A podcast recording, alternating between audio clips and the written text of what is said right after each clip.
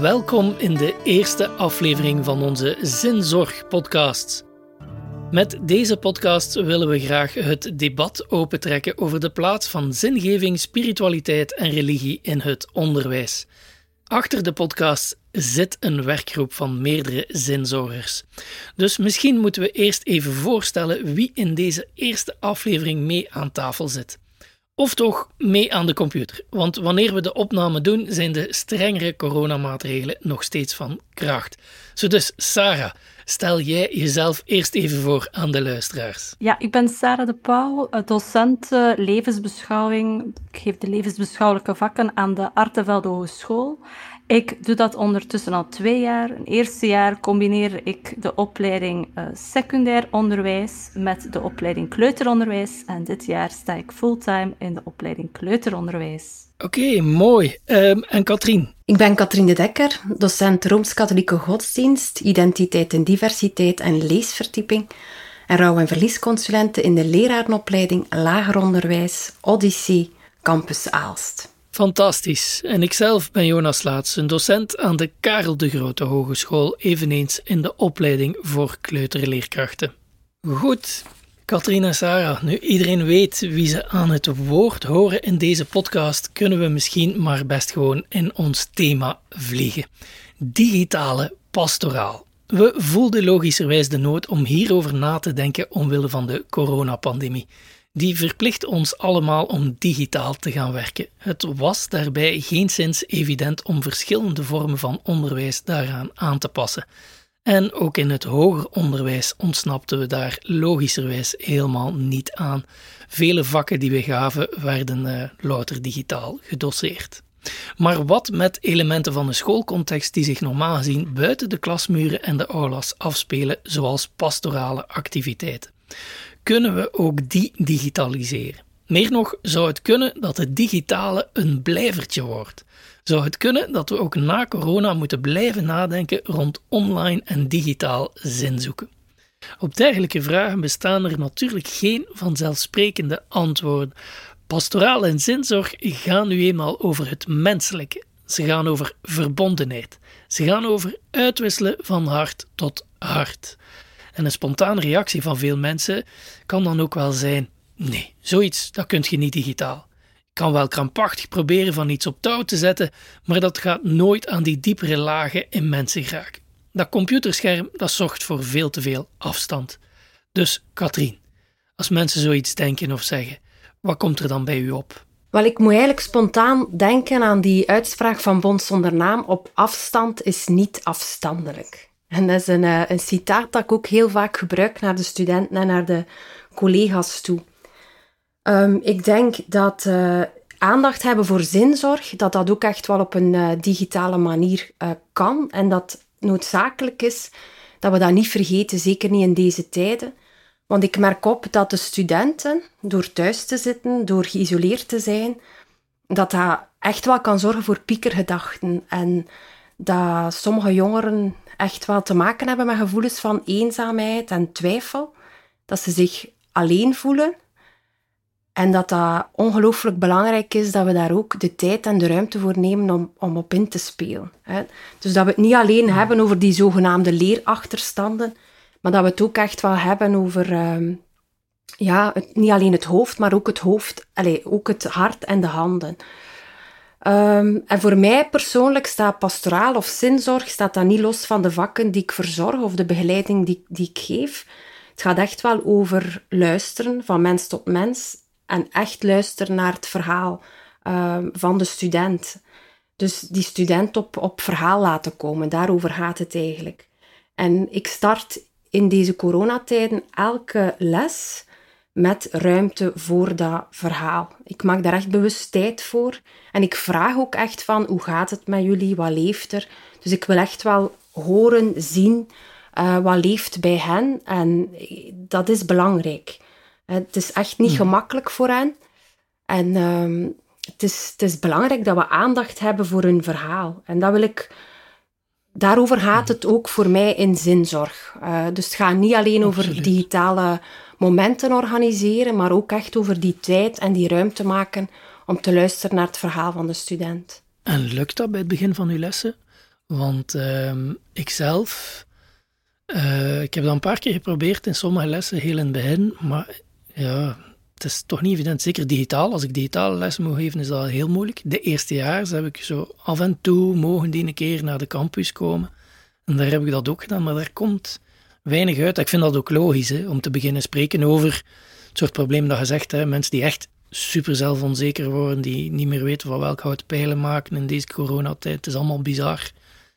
Maar om daar dan een open gesprek over te voeren, is niet vanzelfsprekend. Dus lukt dat een beetje? Of is dat gewoon door het herhalen van er is ruimte, kom maar uit je schulp als je wilt, dat dat werkt? Of hoe zit dat? Wel, ik start elke les eigenlijk met een impuls. Uh, soms ook maar gewoon mezelf kwetsbaar durven opstellen en zeggen dat ik het ook moeilijk vind. Maar ik denk nu aan de les die ik vorige week gegeven heb. Het is ook aan eerstejaarsstudenten. Ik heb ze nog nooit in het echt ontmoet.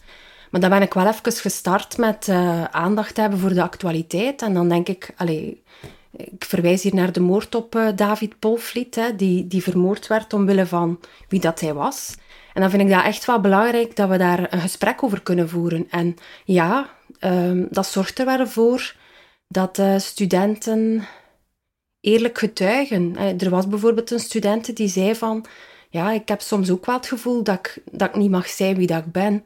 Of, of soms ben ik ook bang om over de straat te lopen, gewoon om wie dat ik ben. En wat ik zo mooi vind aan die momenten, dat is dat, dat, dat er verbondenheid ontstaat. Dat er ook andere studenten zijn die daar dan echt op reageren en zeggen van, maar jij mag, jij mag er wel zijn, ik steun u, ik zie u. Dus allez, ik vind het tweeledig. Het is niet alleen ik die een stukje getuigenis binnenbreng, maar ik wil hen vooral ook in hun kracht laten zetten en, en die verbondenheid tussen elkaar ook uh, creëren moet wel zeggen, uh, en dat is een absolute voorwaarde, dat er een sfeer van vertrouwen en respect is. Dus ik ben mijn allereerste les begonnen met echt zeer duidelijk daarop te hameren, ook al zijn wij digitaal uh, bezig.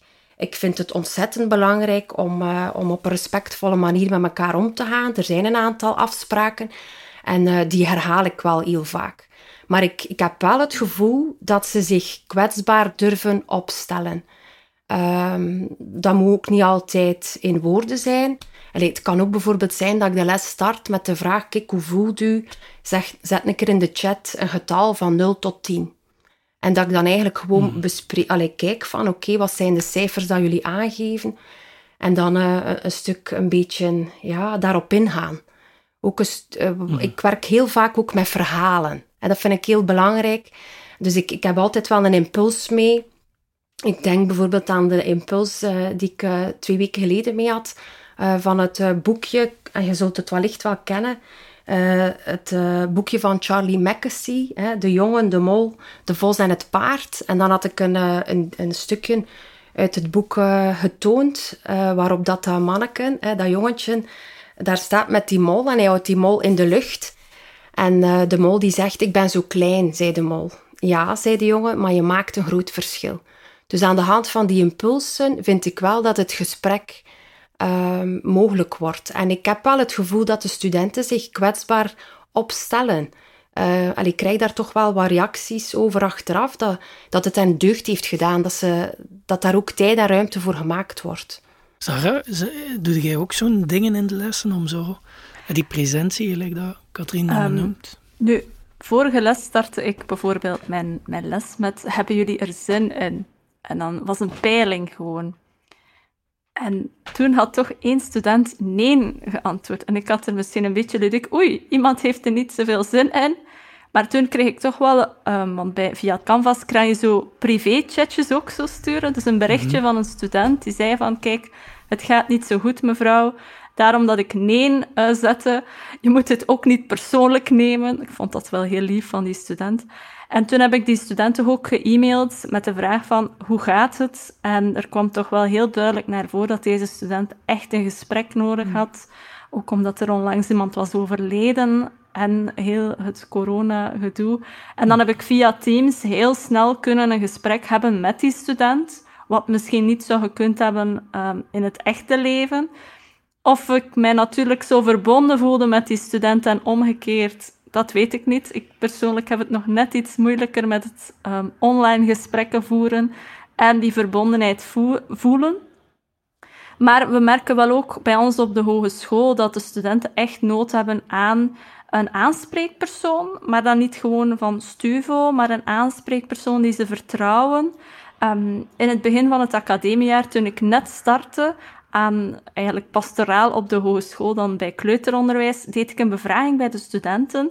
En toen gaf maar liefst 92% van de studenten aan dat ze het heel zinvol zouden vinden om iemand die aanspreekbaar is en zichtbaar is um, te hebben eigenlijk, die rond bij moeilijke momenten of bij een spiritueel gesprek of een rouwgesprek. Um, daarvan was zelf 50% ervan overtuigd dat het heel, heel, heel zinvol zou zijn. Dus de nood is wel heel erg groot bij onze studenten. Ja. Ik zelf ervaar wel een afstand bij het online gebeuren, omdat in onze hogeschool soms ook groepen samen worden um, gestoken online.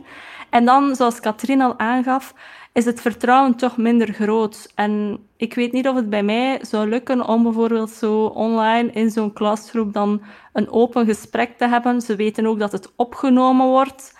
Dus dat is altijd wel een drempel. Allee, ook bij mezelf ervaar ik dat als een drempel om um, mij heel kwetsbaar op te stellen. Dus ik begrijp dat dat voor sommige studenten toch ook heel erg moeilijk is. Ja. Um, ik wil even inpikken op dat laatste, dat opnemen. Ja, dat wordt zo verwacht dat alles opgenomen wordt. En ik heb mij daar ook voor mijn vakken, religie en zingeving en, en visievakken enzovoort, al heel veel vragen bij gesteld van, van hoe, uh, hoezeer dat uit vertrouwen gaat, puur mhm. doordat dat opgenomen wordt, zorgde ervoor dat je bepaalde gesprekken niet kunt hebben. Hè. Maar doet mij wel denken, ook aan wat Katrien gezegd heeft, als je gewoon ruimte schept in het begin, kunnen we misschien wel gewoon zeggen, het eerste kwartier wordt niet opgenomen. Hè. En dan de keer dat dat gepasseerd is, duwen we wel op die recordknop. Dat is eigenlijk iets simpel wat ik zelf nog niet aan gedacht heb, dat perfect haalbaar is. Hè. Maar die 92%, ik wil daar eigenlijk naartoe, dat is inderdaad straf veel. Um, en ik kan mij tegelijkertijd inbeelden, hetgeen dat je ook aanbracht, dat zo'n teamsgesprek is rap geregeld. Hè. Je zit allemaal thuis en een uur later kan het wel, terwijl als je naar de campus had moeten komen, we moeten weer een mhm. goede dag vinden en dan is dat weer zoveel dagen later. Dus in die zin biedt dat misschien wel net voordeel. Net het feit dat dat mhm. online gegeven zo normaler is geworden, zorgt er wel voor dat dat contact rapper kan zijn. En misschien voor studenten eigenlijk laagdrempeliger, omdat het niet fysiek in dezelfde ruimte is. Hè. Veel mensen hebben zo dat gevoel. Dat is ook wat dat sociale media van tijd doet. Het maakt het wat afstandelijker. Je durft rapper zeggen wat je wilt omdat je niet in mekaars buurt bent. Dus dat heeft zijn nadeel, maar dat heeft misschien op dat vlak ook zijn voordeel, of niet? Mis ik mij dan? Ja, die, die laagdrempeligheid en ook het directe kunnen uh, sneller op de bal spelen. Ik had het de student voorgesteld van, kijk, volgende week woensdag, nee, of de week erna woensdag, zijn we allebei op de campus. We kunnen even een blokje rond de campus gaan wandelen. En mhm. dan een gesprek hebben. En ze zei: nee, nee, het is dringender dan dat. Mhm. Ik zou liever sneller een gesprek hebben. Ja, kijk, voilà. Dat is interessant. Hè? Dus voor zoiets, voor die presentie, kunnen we daar zeker, denk ik, ook uh, in de hoop dat, dat er een na-corona komt, en vermoedelijk wel, maar kunnen we dat wel bewaren. Maar nog een ander facet dat we heel in het begin overgesprongen zijn, zijn natuurlijk die heel andere activiteiten. Hè? De, de pastorale activiteiten, zoals de mensen die meestal in hun hoofd hebben als je daarover spreekt. Wat doen we daarmee? Um, heeft een van jullie al geprobeerd om zoiets online te brengen? Katrien, jij wel, hè, dacht ik. Ja, ik wou ook nog even iets zeggen dat mijn lessen niet worden opgenomen. Ah. En dat is inderdaad, ik kan me heel goed voorstellen uh, dat dat anders echt wel belemmerend zou werken. Maar dus bij mij worden de lessen niet opgenomen. Nooit. Niks. Nooit. Nee, ik zorg voor kennisclips waar ze de inhoud kunnen gaan uh, ja, gaan verdiepen. Dus ik neem alles van mijn inhoud op via kennisclips en ik maak echt in die teamsmomenten, in de lessen uiteindelijk, ruimte tot gesprek. En dus dat wordt niet opgenomen. Dat is interessant. Want ik denk inderdaad, moest het opgenomen worden, dan uh, zou het uh, een andere les zijn. Dan zou ik mijzelf ook niet zo kwetsbaar durven opstellen. En dan zou het de, st de studenten zeker ook uh, belemmeren. Het is interessant. Dat zorgt natuurlijk wel voor een dubbele workload, zowel bij jezelf als bij de student. We moeten en kennisclips kijken en naar de les komen. Uh, en wij zelf moeten de les eigenlijk allee, opnemen en dan nog een keer een, een les we gesprek. Maar goed, dat is een totaal ander onderwerp, niet voor nu. Um, dus uh, ja, terug naar die, die pastorale activiteiten. Zo heb je er ook al proberen online brengen. Hè? Ja. En dan probeer ik eigenlijk uh, bij het aanbieden van zoiets, hè, ik zeg nu maar iets rond uh, Allerheiligen, Allerzielen, uh, zo de sterke tijden in de, rond de kerstperiode of nu in dit 40 dagen tijd, dan probeer ik ook altijd de studenten daarbij voor een stukje te betrekken. Ik zeg nu maar, um, in een van de lessen, of dat ik vraag van, kijk, geef een keer een aantal liedjes door die voor u hoopvol zijn of die u kracht geven als je het moeilijk hebt. En dan probeer ik aan de hand van wat dat zij mij bezorgen of doorsturen, een, uh, iets te maken. Um, en, en dan zo ja, te, te verdelen of, of uh, openbaar te maken naar hen toe. Dus um, ja, en ik denk dat ik vooral de boodschap wil geven. Ik denk dat dat een heel belangrijke boodschap is. Dat uh, hoe moeilijk dat ze het ook hebben, dat ze er niet alleen voor staan. Dat ze er nooit alleen voor staan dat ze die hoop mogen blijven koesteren. En als het dan een ritueel is of een verbindend moment met impulsen die ze zelf hebben aangereikt, dan denk ik uh, dat dat voor hen ook nog meer deugd doet. Dat ze ook wel echt voelen van, ha, wat ik aangereikt heb, dat is toch echt wel van betekenis. Of het is wel waardevol. Ja. En we kunnen elkaar ja. ondersteunen. Zoiets. Maar het is zoeken, hè te zoeken. Het is geweldig zoeken, ja. Sarah, heb jij al dingen geprobeerd, zo pastorale momentjes ja, online en zo? Zowel, zowel ik zelf alleen via de nieuwsbrief dan probeer wel zaken aan te bieden. Ik merk wel dat onze nieuwsbrief niet zo heel erg populair is bij onze studenten zelf, maar toch probeer ik het vol te houden, omdat dat toch wel het middel is eigenlijk van communiceren. Um, wat merk ik wat werkt, is bijvoorbeeld eens een bezinnend filmpje heb zoal eens Godly Play gedaan bij de adventsperiode. En dan nadien krijg ik toch wel mailtjes van wauw, dat heeft mij toch wel deugd gedaan. Wat ook wel merk, uh, werkt is als je probeert mensen te verbinden. Bijvoorbeeld door um, bij complimentendag dacht ik, ik ga eens gewoon uh, zeggen van kijk, het was deze week complimentendag. Um, delen doet goed. We gaan eens uh, elkaar een complimentje sturen en ik maak dan zo'n schabloontje en dan kunnen ze zo'n zaken sturen. Of zaken delen op een Padlet. Ik ga het deze week proberen, dat ze elkaar kunnen inspireren met bijvoorbeeld een liedje of zo.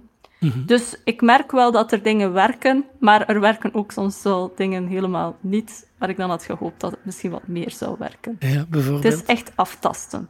Bijvoorbeeld, wat heeft er helemaal niet gewerkt?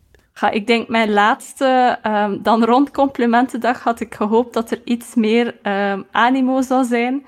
Maar ik merk dat dus uh, voor sommige mensen die die stap zetten om um, echt te e-mailen naar iemand anders, soms wat groot is, waar ik denk dat misschien mochten we iedere collega en student drie blaadjes geven waar ze iets mogen opschrijven en dat dan echt gaan in de, de postbus als het ware steken, dat dat de drempel minder groot zou zijn. Dus daar was ik een klein beetje teleurgesteld in. Mm-hmm. Um, wat merkte, werkte nog minder goed? Ben even aan het nadenken. Ja, wij, wij zijn zelf, ik kan zelf een voorbeeld geven, want mijn werkgroep bij ons op de hogeschool uh, zijn we begonnen met een soort van gespreksgroepen, ook online, waar dat de bedoeling is dat de deelnemers, zowel docenten als studenten, staan open voor iedereen, maar de bedoeling is dat je op voorhand naar een podcast luistert en dat we van daaruit de gesprekken gaan. Dus een, een luisterclip veel meer dan een leesclip, zo. En het hele idee is dat kleine gesprekken over grote levensthema's zijn. En dus uh, het is een podcast die vertrekt vanuit Rutger Brechtman zijn boek over uh, het feit dat mensen deugen of niet. En dus daar is de vraag, zijn we inherent goed als mens of niet? En hoe moeten we daar dan mee omgaan met die goedheid en die slechtheid in mensen? En een volgende aflevering zal gaan over, hebben we leiders nodig of juist helemaal niet? En dus leiderschap, wat betekent dat enzovoort. En dus dat was expliciet het idee van we gaan nu een keer gesprekken openen met studenten die voorbij de typische kennis en vaardigheden en whatever. En echt gewoon filosoferen een keer over het leven. Want dat voel ik ook wel dat veel jonge mensen uh, wat verloren lopen in het, hoe moet je dat zeggen, het aantal en filosofische en spirituele en religieuze ideeën in de wereld. Ja, dat is gigantisch en niemand zit in een, een klaar of een helder gedefinieerde traditie de dag van vandaag. Dus daar dat gesprek op trekken. En er is niet veel respons op gekomen, laten we zeggen. Het is natuurlijk ook zo'n dingen hebben soms bekendheid gewoon nodig. Mm -hmm. Maar het goede was wel dat een student letterlijk naar mij gekomen is na de les en nog een keer vraagt, ah, meneer had daar vorige keer in de les gesproken over, ik wil er zeker, zeker aan meedoen, uh, waar kan ik mij inschrijven enzovoort. Dus het is ook gewoon een beetje dat, denk ik, van het te laten groeien, maar het begint mm -hmm. heel traagjes en klein. Nu, het voordeel van dat format is, het kan ook extreem klein beginnen. Zijde maar met vijf, dan nog heb je een boeiend gesprek. En die vijf zullen dan wel vertellen uh, aan nog vijf mensen. En misschien dat dan wel meer is. Het mag zelfs niet te veel. Want juist omdat het online is, het wordt totaal onhandelbaar. En dat zou offline hetzelfde zijn. Maar het wordt onhandelbaar. En een keer dat je aan 15 of meer mensen zit, dan kan niet iedereen voldoende zichzelf binnenbrengen in het gesprek. Mm -hmm. Dus we hopen ook gewoon op een klein groepje. Maar mm -hmm. dat is nu wel een heel klein groepje. Nu we gaan zien uh, hoe dat verder gaat. Het is, nog maar, het is ook stageperiode en zo. Dus allee, dat zijn ook dingen waar je naar zoekt. Um, plus, ik vraag me af hoeveel online overload dat er is. Hè, want ze ja. krijgen al heel dagen les. Dus ja. we hebben even getwijfeld. Schuiven het naar volgend jaar als er wat minder uh, corona-online gegevens zijn. Dan, dan is dat misschien wel juist goed om zoiets online te doen. Want moest je zoiets op de campus doen, heb je de vraag wie gaat zich na de lessen nog verplaatsen naar de campus.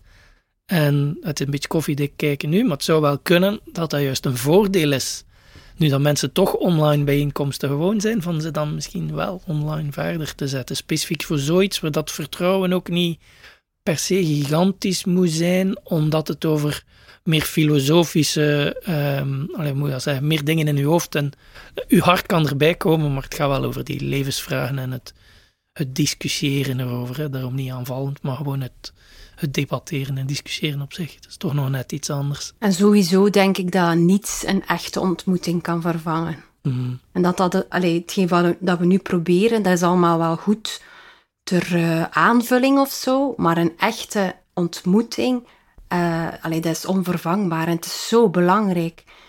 Um, ja. En dat missen we wel allemaal, hè? Ja, dat denk ik wel. Ja. Dat is heel duidelijk. Dat is en onze studenten ook, hè, enorm. Zijn, hè. Ja. Ja, ja, ja. Ja, dat voel ik ook wel zo aan. Dus, maar als we dat, misschien een laatste stukje waar we ook nog moeten over nadenken, zo. Als je dat zegt en we mogen dat niet kwijtraken, zijn er dingen waarvan dat je van, hier moeten we voor opletten. Als mensen die in de zinzorg en de pastoraal staan, van oké, corona heeft dat en dat teweeggebracht, maar... En want een van de dingen dat we als docenten helemaal voelen, is dat vanuit, vanuit de hogescholen gaat gezegd worden van, oh ja, dat ging eigenlijk redelijk vlot, hè, dat online lesgeven, we gaan daar hier van alles van houden, het helft van uw lessen moeten nu niet meer op de campus doorgaan, of uh, die kennisclips, ja, hebt u nu allemaal, uh, uh, maak er nog maar wat meer en zo. Um, maar dat soort, dat soort kwesties. Hè. Dat is dan op, op docentenvlakken dat dat speelt, maar speelt dat ook voor pastoraal? Zijn er dingen waar we moeten van opletten? Van, hmm, hier, bijvoorbeeld zou het kunnen dat corona ervoor zorgt dat pastoraal nog minder ruimte krijgt op een hogeschool. Persoonlijk denk ik dat door de corona wel duidelijk is dat uh, zinzorg belangrijk is. Ja. Dat, uh, dat dat toch echt nog iets anders is dan aandacht hebben voor uh, ja, de psychische dimensie van een mens dat er ook wel nog zoiets is als een spirituele dimensie. Dat denk ik wel, dat door corona, en ik hoop ik, dat echt wel duidelijk is dat jonge mensen ook echt op spiritueel vlak uh, bezig zijn en, en, en existentiële vragen stellen. En ik denk dat het belang van zinzorg net duidelijker wordt. Ja, dat denk ik ook. Ja, om daar even op aanvullen. Ik denk um, dat gewoon ook duidelijk is geworden hoe hard zij die verbondenheid nodig hebben. Maar bijvoorbeeld ook, uh, als ik dan naar mijn bevraging weer kijk, zo bijvoorbeeld het samen vieren. Mm -hmm. En ik heb dat um, online geprobeerd. Rond kerstmis hebben we een lichtfeest gegeven, waar uh, plaats was voor het kerstverhaal, doorheen de ogen van kinderen, zingen, samen zijn. Ook nadien een praatcafeetje zo online met uh, heel zinvolle vragen. Maar toch kan dat, dat zo het echte samen zijn en, en vieren niet vervangen. En het is zo dubbel, want enerzijds was er wel meer dan 50 man aanwezig, dus dat was heel drempelverlagend. Maar ik denk misschien op de campus donderdagavond uh, niet het geval zal zijn. Maar anderzijds moeten we inderdaad toch wel echt opletten dat alles niet online wordt en um, we daardoor toch die echte het echte gevoel van verbondenheid zouden uh, beginnen missen. Ja, en ik denk dat het ook een kwestie gaat worden, want in, inderdaad, corona heeft dat allemaal duidelijk gemaakt. Hè? Hoeveel dat er leeft op echt existentieel vlak, hè? dat is echt mm -hmm. het juiste woord zo daarvoor. Uh, maar ik denk dat nog wel een, iets gaat, dat er wat moeite gaat moeten bijkomen kijken om, om daar nu ook gevolg aan te geven. Want ja, het is duidelijk, maar eer dat daar dan in eender welke instelling, dat gaat nu niet alleen over hogeschool, maar om daar dan ook ruimte en tijd en soms ook middelen voor te voorzien, dat is nog een ander paar mouwen, denk ik. Hè? Of, of hebben jullie het gevoel dat, dat er ook op dat, wel een kentering, op dat vlak wel een kentering is? Nee, ik zie jullie knikken. Nee, niet direct. Het blijft altijd een gevoelig punt. Hè, ja, ja, ja, een elke hogeschool. maar dat is zeer delicaat, ja. ja. Dat is zeer delicaat. Maar ik zeg het, voor mij is daarom pastoraal niet los te koppelen van de levensbeschouwelijke vakken die we geven. Mm Het is een en-en verhaal. Ja, ja, ja. En ik vind het net een voordeel dat wij die levensbeschouwelijke vakken geven. Dat geeft ook wel, moet ik zeggen, verbondenheid met de studenten. We leren ze veel beter kennen. We, we leren hun vragen kennen. Um, dus we zijn zo ja, een aanspreekpunt. Wat mhm. ik wel een enorm voordeel vind. Maar het zou natuurlijk ongelooflijk fijn zijn moesten we meer tijd en ruimte krijgen om echt nog meer met zinzorg bezig te zijn. Ja, maar goed, dat we die tijd en ruimte kunnen creëren uh, en, en sommige instanties ertoe aanzetten om die tijd en ruimte wat meer te ondersteunen, dat is misschien een onderwerp voor een andere keer. Hè. Dus uh, is er nog een van de twee die graag iets toevoegt? Of denken we, dit is het moment om onze allereerste aflevering uh, af te ronden? Ik wil wel kort nog even vertellen, onze studenten zelf uh, moeten ook voor een opdracht ofwel op de uh, stageschool ofwel op de mhm. hogeschool um, een pastorale activiteit vormgeven. En ook zij worstelden enorm met die uh, beperkingen rond corona. En telkens zag je dat ze zo proberen toch dat samen zijn op de campus zo ja, te forceren, maar telkens werden ze eigenlijk teruggefloten. En ook zij, ik voelde echt wel een online moeheid. Mhm. Dus daar moeten we toch ook echt nog eens benadrukken, moeten we echt toch oog voor hebben dat we daar niet blijven in hangen. Ik denk dat dat wel iets heel belangrijk is om ook mee af te sluiten. Absoluut, ja. absoluut. En misschien ook zeggen allee, dat het in de, in de kleine dingen zit. Zinzorg, dat, dat oog en oor hebben voor anderen, een berichtje sturen, een mailje sturen, een student of een collega in zijn kracht zetten, dat dat ook al verschil maakt. Uh, en dat het ook belangrijk is dat zij het gevoel mogen hebben dat ze erbij horen, dat ze een doel hebben, dat zij ook van betekenis kunnen zijn voor anderen. Daarover ook zo. Dat, dat je door... Ja. Nee, dat snap ik wel. En, en waarmee dat je eigenlijk aangeeft dat online of offline misschien niet altijd de grootste vraag is. Het gaat over oog hebben voor en dan op het juiste moment iets doen. Hè. Nee, ik denk dat dat inderdaad wel heel terecht is en heel mooi ook. Dames, merci. Ik vond het eigenlijk wel een aangenaam gesprek. Zullen we ja, de volgende keer gewoon verder gaan hè, in onze podcastreeks? Zeker weten. Kijk, merci. Goed. Dank Tot de volgende. Ja, tada.